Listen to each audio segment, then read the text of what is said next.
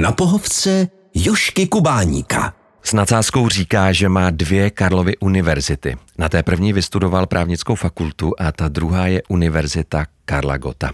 Můj dnešní host Jan Adam byl přes 30 let blízkým spolupracovníkem Karla Gota a od roku 2010 do roku 2016 dokonce jeho tajemníkem. A já jsem rád, že teď usedl na moji rozhlasovou pohovku, aby na naši nejzářivější pěveckou hvězdu zavzpomínal. Dobrý den.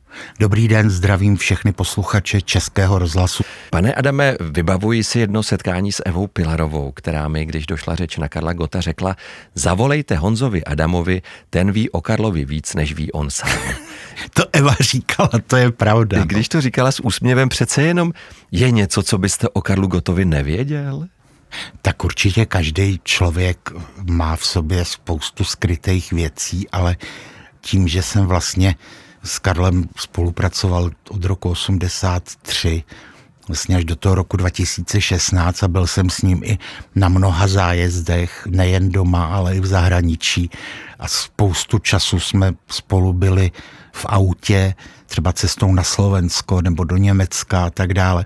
Jako myslím si, že jsem ho poznal v těch nejrůznějších eh, situacích, ve kterých ho jeho fanoušci neměli šanci vidět. Hmm.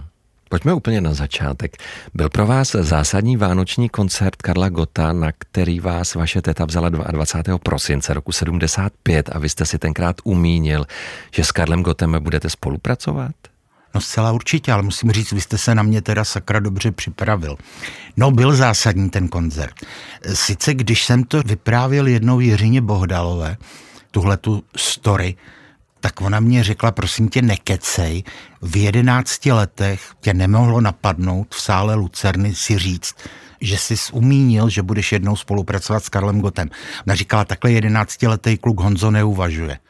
Já jsem tak uvažoval. A stalo se tam něco výjimečného? Já už jsem se samozřejmě o Karla Gota jako v těch jedenácti letech jako zajímal. Mě na něm vždycky fascinovala ta všestranost, ta šíře repertoáru. To, že na jedné straně vystřihl prostě báječně neapolskou kanzonetu a na druhé straně třeba rokovou baladu od Nazaret, tak to se mně strašně líbilo a já jsem se snažil ty písně si pak poslechnout v originále.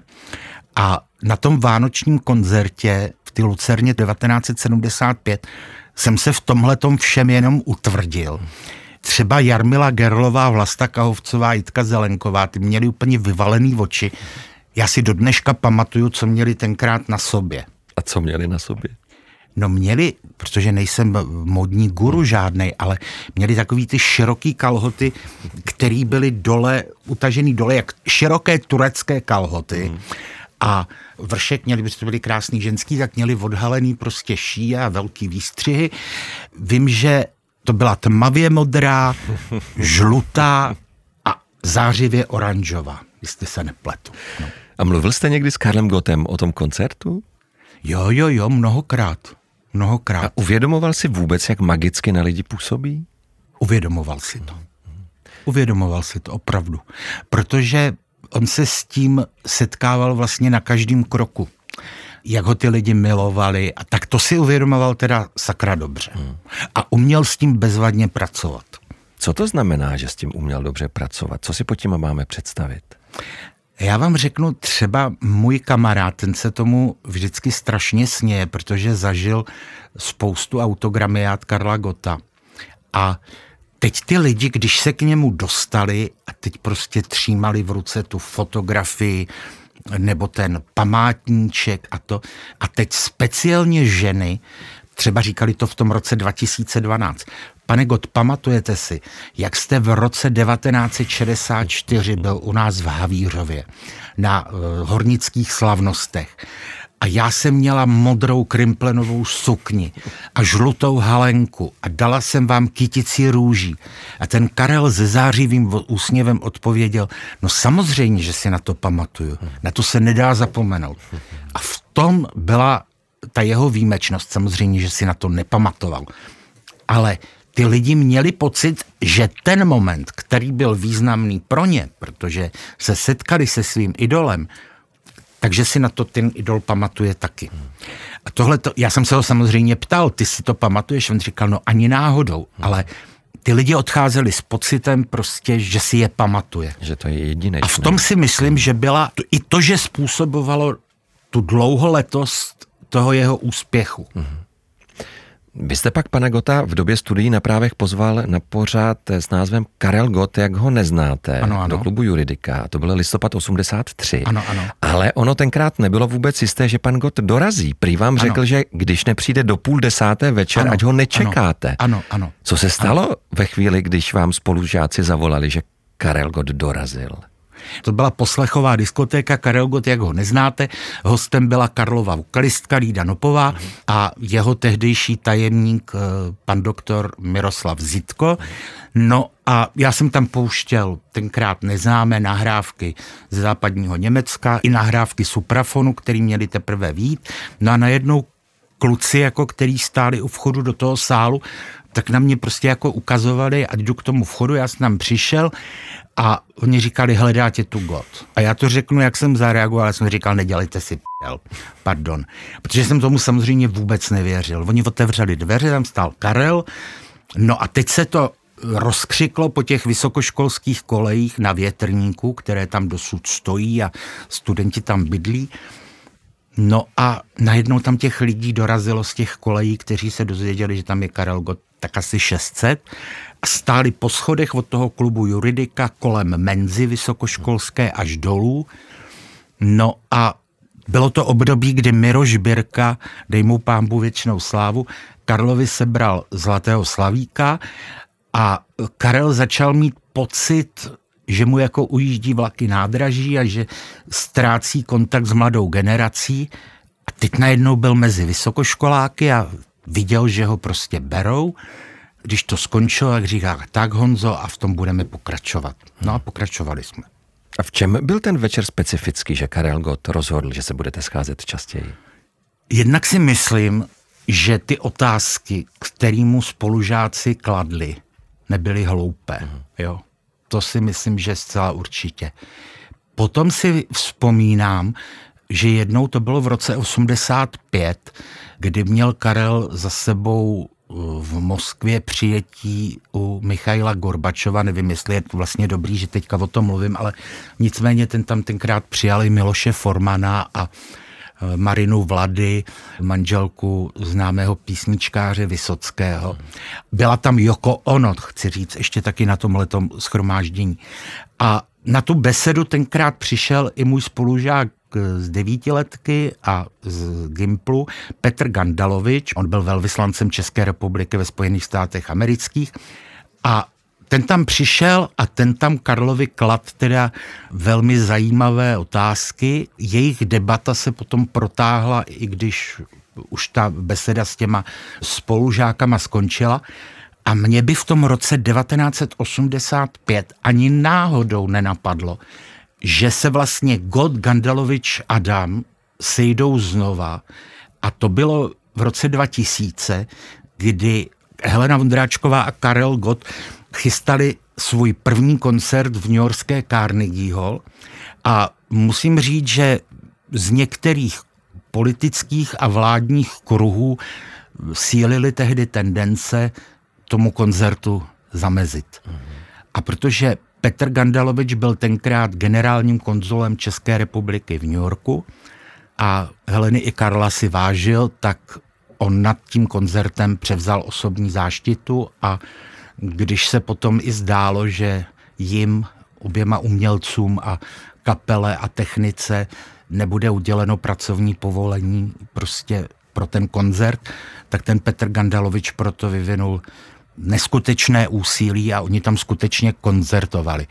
A já jsem dělal PR manažera tohohle jejich prvního koncertu a letos jsem se do Carnegie Hall vrátil, protože tam koncertoval Honza Smigmátor a tak jsem se jel podívat a bylo to prostě úžasný a krásný. A Honza Smigmátor je na dobré cestě, tak bych to řekl.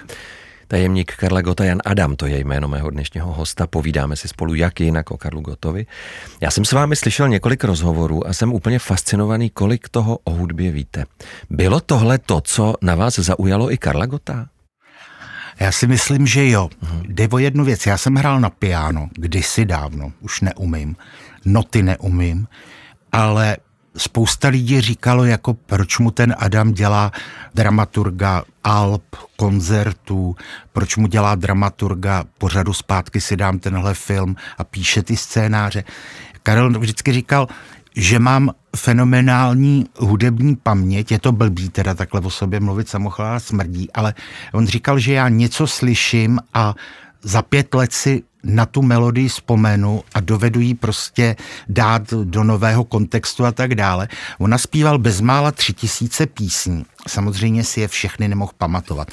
Bylo to ve 13 světových jazycích a já jsem mu třeba říkal, když jsme dělali ten pořad zpátky, si dám tenhle film, tak hele, dáme tam tuhle a tuhle tu písničku. On říká, to jsem nikdy nenaspíval. Já jsem říkal, jo, naspíval. A teď jsem mu řekl, v jakém roce to bylo, většinou jsem řekl i autory, případně její zahraniční název a on říká, tak mi ji zaspívej. A teď si představte tu situaci, kdy já se svým hluchem zpívám zlatému hlasu z Prahy, tak on vždycky chvilku jako poslouchal a pak říká, hm, podle textu jsem to poznal.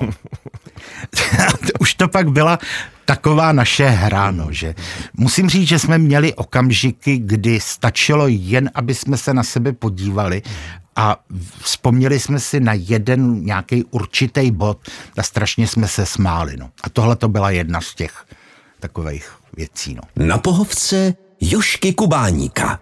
Vy jste se pak stal spolupracovníkem pana Gota a první rozhovor, který jste s ním dělal, byl pro slovenský časopis Populár, ale ano, ten ano. vám 28krát vrátil.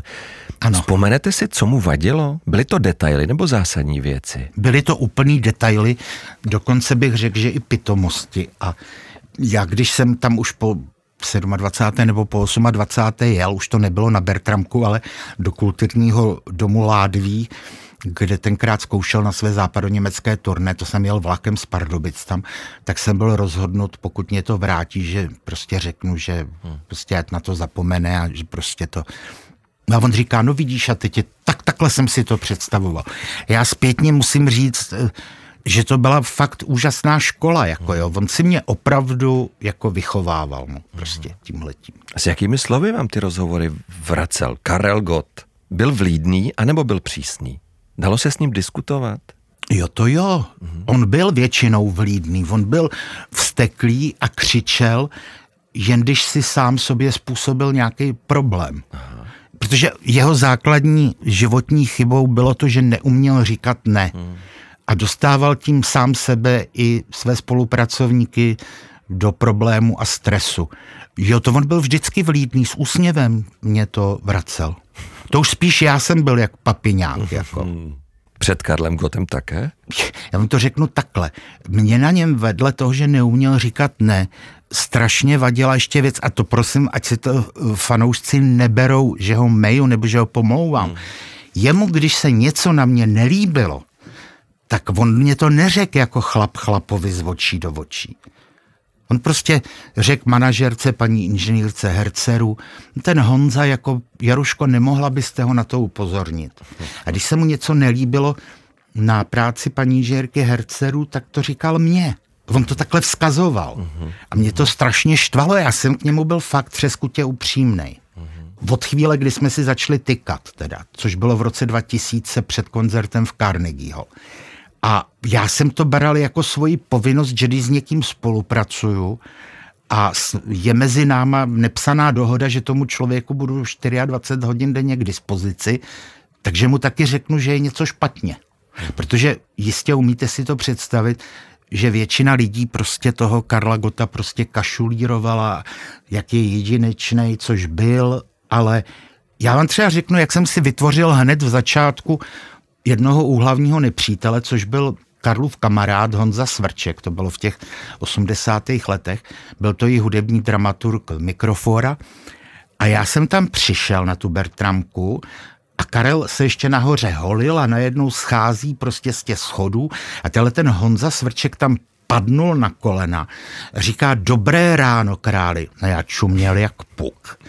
A říká, tak si zase vyhrál start. To byla tehdejší rozhlasová jakoby hitparáda, jo. A ten Karel jako, no, no vidíš, jako a to. Jsem říkal, ale Honzo, to není pravda, Karel skončil čtvrtý. A já jsem tohle to nesnášel, protože já si prostě myslím, že pokud s někým spolupracujete, takže je to vaše povinnost. A pokud toho člověka máte opravdu rád a záleží vám na něj, na něm, tak mu to řeknete. Já třeba v současné době hodně spolupracuju s Helenou Vondráčkovou, který jsem psal i pro dvojku, ten pořad Sladký mámení. Dělali jsme to dohromady. A taky řeknu věci, které třeba by se jí někdo bál říct. Uh-huh. Musím říct, že ona to ode mě bere. Uh-huh. Rozumím. Vy jste vzpomněl, že se pan Gott eh, uměl rozčilovat, i když ano, my si to ano. nedovedeme představit. Jak to vypadalo? Tak jako když byl opravdu hodně naštvaný a chtěl něco řešit, tak to mluvil potichu a naléhavě. Uh-huh. To jsem věděl, jako že se něco děje. Ale když byl lehce hysterický a křičel, tak to bylo tak, jak jsem řekl, že on si vytvořil sám sobě problém, mm-hmm. teď to nechtěl přiznat, tak se to snažil hodit na někoho z nás, že jo, tak křičel, Honzo, jak jsi mohl tohleto domluvit, když víš, že prostě tohle to nejde? On říká, Karle, klid, to jsi domluvil ty sám, teď já jsem u toho byl. Mm-hmm. Jo, a to fakt někdy křičel.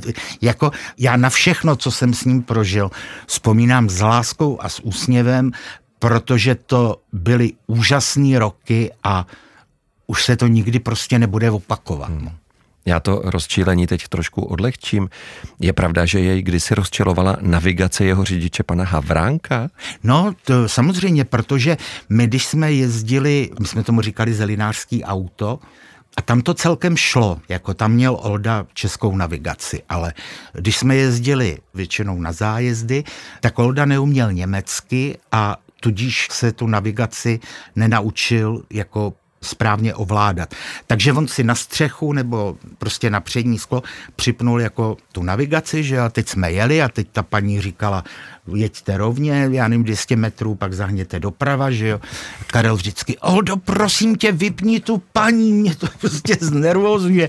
A kolem toho se odehrála strašná spousta jako legrácek a já jsem vždycky říkal, kluci, já si to jednou nahraju a uděláme z toho silvestrovský číslo. To by se národ bavil. Já jsem říkal, že jste byl tajemníkem Karla Gota. Co to vlastně znamená být tajemníkem? Já vím, že jste mu byl k dispozici 24 hodin denně, že už ráno okolo deváté začaly zvonit telefony a vy jste ano, všechno ano. vyřizoval.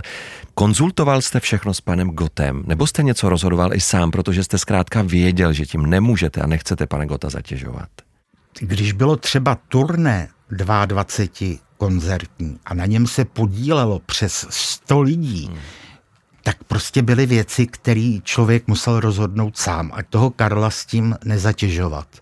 Samozřejmě pak byli různí lidé, kteří se mu snažili implantovat, že jsem rozhodoval o něm bez něj a za jeho zády a tak dále, ale když jako si uvědomíte, že máte na starost Facebook ve čtyřech jazycích, web, že mu vyřizujete korespondenci, organizujete čas nejen tady, ale i v zahraničí, přes vás jdou žádosti o intervia s ním, z tisku, z rozhlasu, z televize.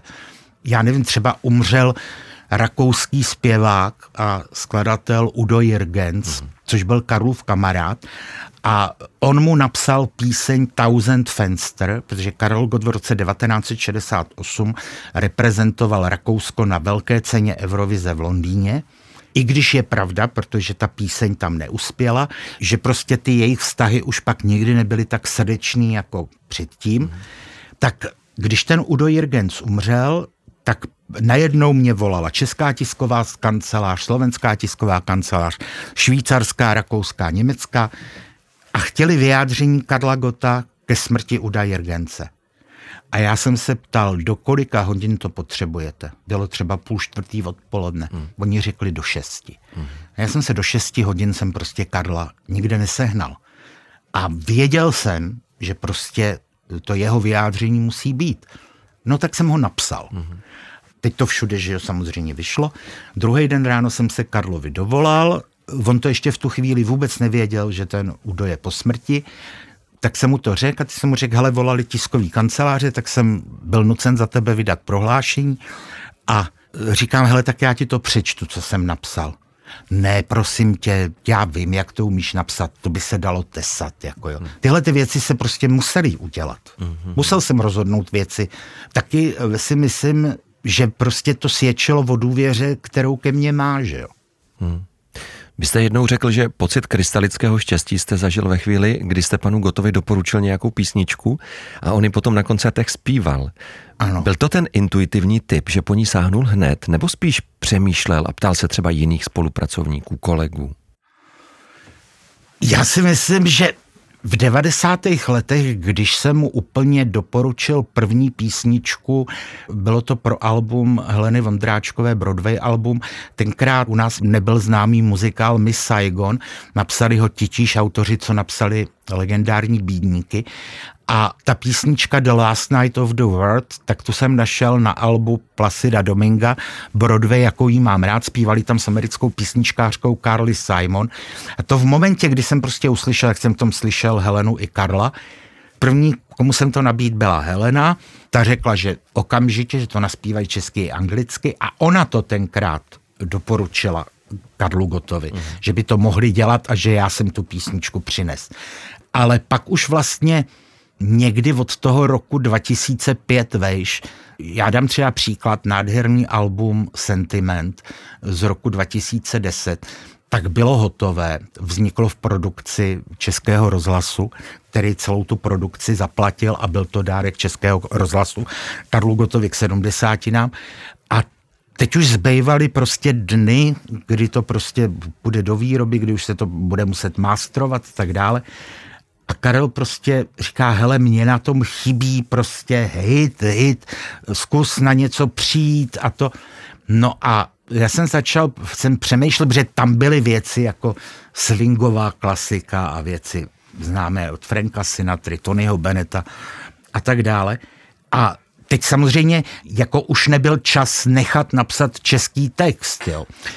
Tak jsem prostě pátral v repertoáru Karla Hály a e, Milana Chladila a najednou jsem v Chladilově repertoáru objevil písničku That's Life, kníž nádherný český text Chraň Bůh napsal Zdeněk Borovec. Mm-hmm. Tak to Karel úplně zajásal a hráli to tenkrát rádia o 106 Karel s tím měl veliký úspěchy na koncertech a vlastně, když pak vznikaly alba jako Doteklásky a pak Doteklásky dvě, tak tam už jsem ty písničky nosil prostě a on je většinou teda s velkou radostí přijímal. Mhm. Vy jste říkal, že Karel Gott moc dobře věděl, že je naše největší hvězda. Udržoval si ten status vědomně? Bylo pro něj důležité, jak, kdy, kde je prezentovaný? No o tom nepochybujte. Aha, aha. O tom teda nepochybujte. Jo. Jako když si uvědomíte, že prodal 50 milionů desek, což u nás lidi nevědí, to je srovnat, to v zahraničí prodal Tom Jones nebo Phil Collins. Uh-huh. Jen v německy mluvících zemích se prodalo 23 milionů desek. Singlu s písním Včelka Mája se jen v letech 77 až 78 prodalo 2,5 milionu. Hmm. Taky za to s Karlem Svobodou každý dostali pět zlatých desek Polidoru. Teď, když si vezmete dva koncerty v Carnegie Hall, Čajkovskýho síň v Moskvě, v sál Filharmonie v Mnichově, On byl opravdu ohromnou středoevropskou hvězdou, což si už spousta lidí jako ani neuvědomuje. Povyprávějte nám prosím tu příhodu, jak jste jeli do Brna, vy jste si musel dělat čárky, kolik jste po cestě viděl billboardů, na kterých ovšem nebyl pan Got, ale paní Zagorová. No to bylo tak, že Hanka měla mít tenkrát, to bylo turné 2012, když jsme byli na turné a eh, Hanka měla mít koncert vánoční v Lucerně, který byl vždycky úplně bezvadný a to. No a teď jsme vyjeli prostě na Moravu, že jo, a Karel říká, podívej, Hanka má billboard. A teď uviděl druhý, třetí, začal vykřikovat, vy na mě šetříte, vy na mě šetříte. A já jsem říkal, ale Karle, ty máš ty billboardy po celé republice. Hanka je má jenom na dálnici Praha-Brno, protože to jsem věděl od kluka, který ty billboardy zařizoval, že jo. A ten Karel křičel, ne, ne, ne, ne, ne, uvědom si, já chci být jako Coca-Cola. Rozumíš, Honzo, já chci být vidět vždycky a všude. To se fakt stalo, opravdu nekecám. A je to jedna z takových velmi úsměvných historek, který jsem s ním zažil. On si totiž uvědomoval, že k tomu, aby člověk byl tou velkou hvězdou na dlouho, že opravdu musí být vidět a slyšet. Dokonce víte, ono se říká, že tyhle ty hvězdy, ať už to byl Karel Svoboda, Karel Gott, Lucka Bílá, Helena Vondráčková, že když se o nich týden nepíše v bulváru, takže mají pocit, že už umřeli. Hmm. A jaký měl pan God vlastně vztah s bulvárem? Vy jste jednou řekl, že v tak vysokých patrech showbiznisu je dobré umět i s bulvárem spolupracovat. Ano, ano. Tak jako měl vždycky nadstandardní vztahy a vlastně naučil i mě s tím bulvárem vycházet. Já musím říct, že mně se to teď v životě dalším, po té, co Karel není, nesmírně hodí, protože teď jsem měl třeba na triku PR dvou pražských akcí Mariky Gombitové, která producentovi Tomášovi Ságlovi, který dělá dva koncerty v lednu v Outu aréně, řekla, že by chtěla, abych se o to PR staral já. Hmm. Což je samozřejmě strašně velké vyznamenání. A tím, že ta Marika Gombitová je opravdu takový úplně neobjevený poklad, tak ten Tomáš Ságl prostě chtěl, aby jsme vybrali z Hankou Týce, se kterou jsme to dělali, opravdu spolehlivé novináře, televizní štáby a tak dále. A když pro, na tu tiskovku přišlo kolem 80 novinářů a pět televizí, když to skončilo, tak ten producent Tomáš Ságl mě říká, ty vole, to je prostě neskutečný, ty seš se všema kamarád, oni tě všichni znají. Hmm. A e, jako samozřejmě musím říct, že, že když jsem se s Karlem rozešel v tom roce 2016, takže mě spousta novinářů řeklo, hele, když budeš cokoliv potřebovat, na nás se můžeš vždycky obrátit, protože když my jsme něco potřebovali týkající se Karla, tak s nám vždycky vyšel stříc. Hmm. Ale to nebyly, myslím, věci, že já bych vynášel věci z jeho soukromí. Oni chtěli fotky, oni chtěli informace, na to, to já jsem vždycky dodával. No. Teď už to jsou čtyři roky od chvíle, kdy Karel Gott hmm. odešel. Pouštíte si po jeho odchodu jeho písničky? Já musím říct, že poté, když eh, jsme se rozloučili v tom roce 2016 za úplně, nebyly to úplně nejhezčí okolnosti, tak se někdy chovají zhrzený milenky, bych řekl, jo, ale prostě jsem si ho nepouštěl. Mm. Absolutně, mm. absolutně ne. A to trvalo asi tak dva roky, no. Teď už si ho pouštím strašně často a je mě přitom dobře, jak mě přitom vždycky bylo. Já vím, že zpěváci říkají, že mají rádi všechny své písně, ale přece jenom je některá, kterou měl pan Gott obzvlášť rád? Když jsem já byl tenkrát kluk. A kterou máte nejradši vy? Selaví, zůstanu svůj, co mě teď napadá. Hmm. Jednu písničku ale nemám strašně rád. Která to a to je? je Srdce nehasnou. Ať se mnou kdokoliv prostě nesouhlasí, mě tam vadí ten úplně až nadřeň dohnané to loučení se se životem. Někoho to možná oslovuje, ale já tu písničku prostě nemám rád. Vedle mých rodičů byl Karel Gott nejzásadnějším člověkem mého života, řekl jste v jednom rozhovoru. A já vám i za naše posluchače děkuji za to, že Karel Gott byl takový, jaký byl, díky vám, vašim radám, talentu a přátelství. Já vám moc děkuji, to jste řekl moc hezky. Děkuji vám za čas, za to, jak jste se připravil a zdravím všechny posluchače Českého rozhlasu a zachovávejte přízeň a věrnost Karlu Gotovi, i když už tu není. Naschledanou. Mým dnešním hostem byl někdejší tajemník Karla Gota a jeho dlouholetý přítel Jan Adam. Děkuji za to naslyšenou. Naschledanou. Na pohovce Jošky Kubáníka.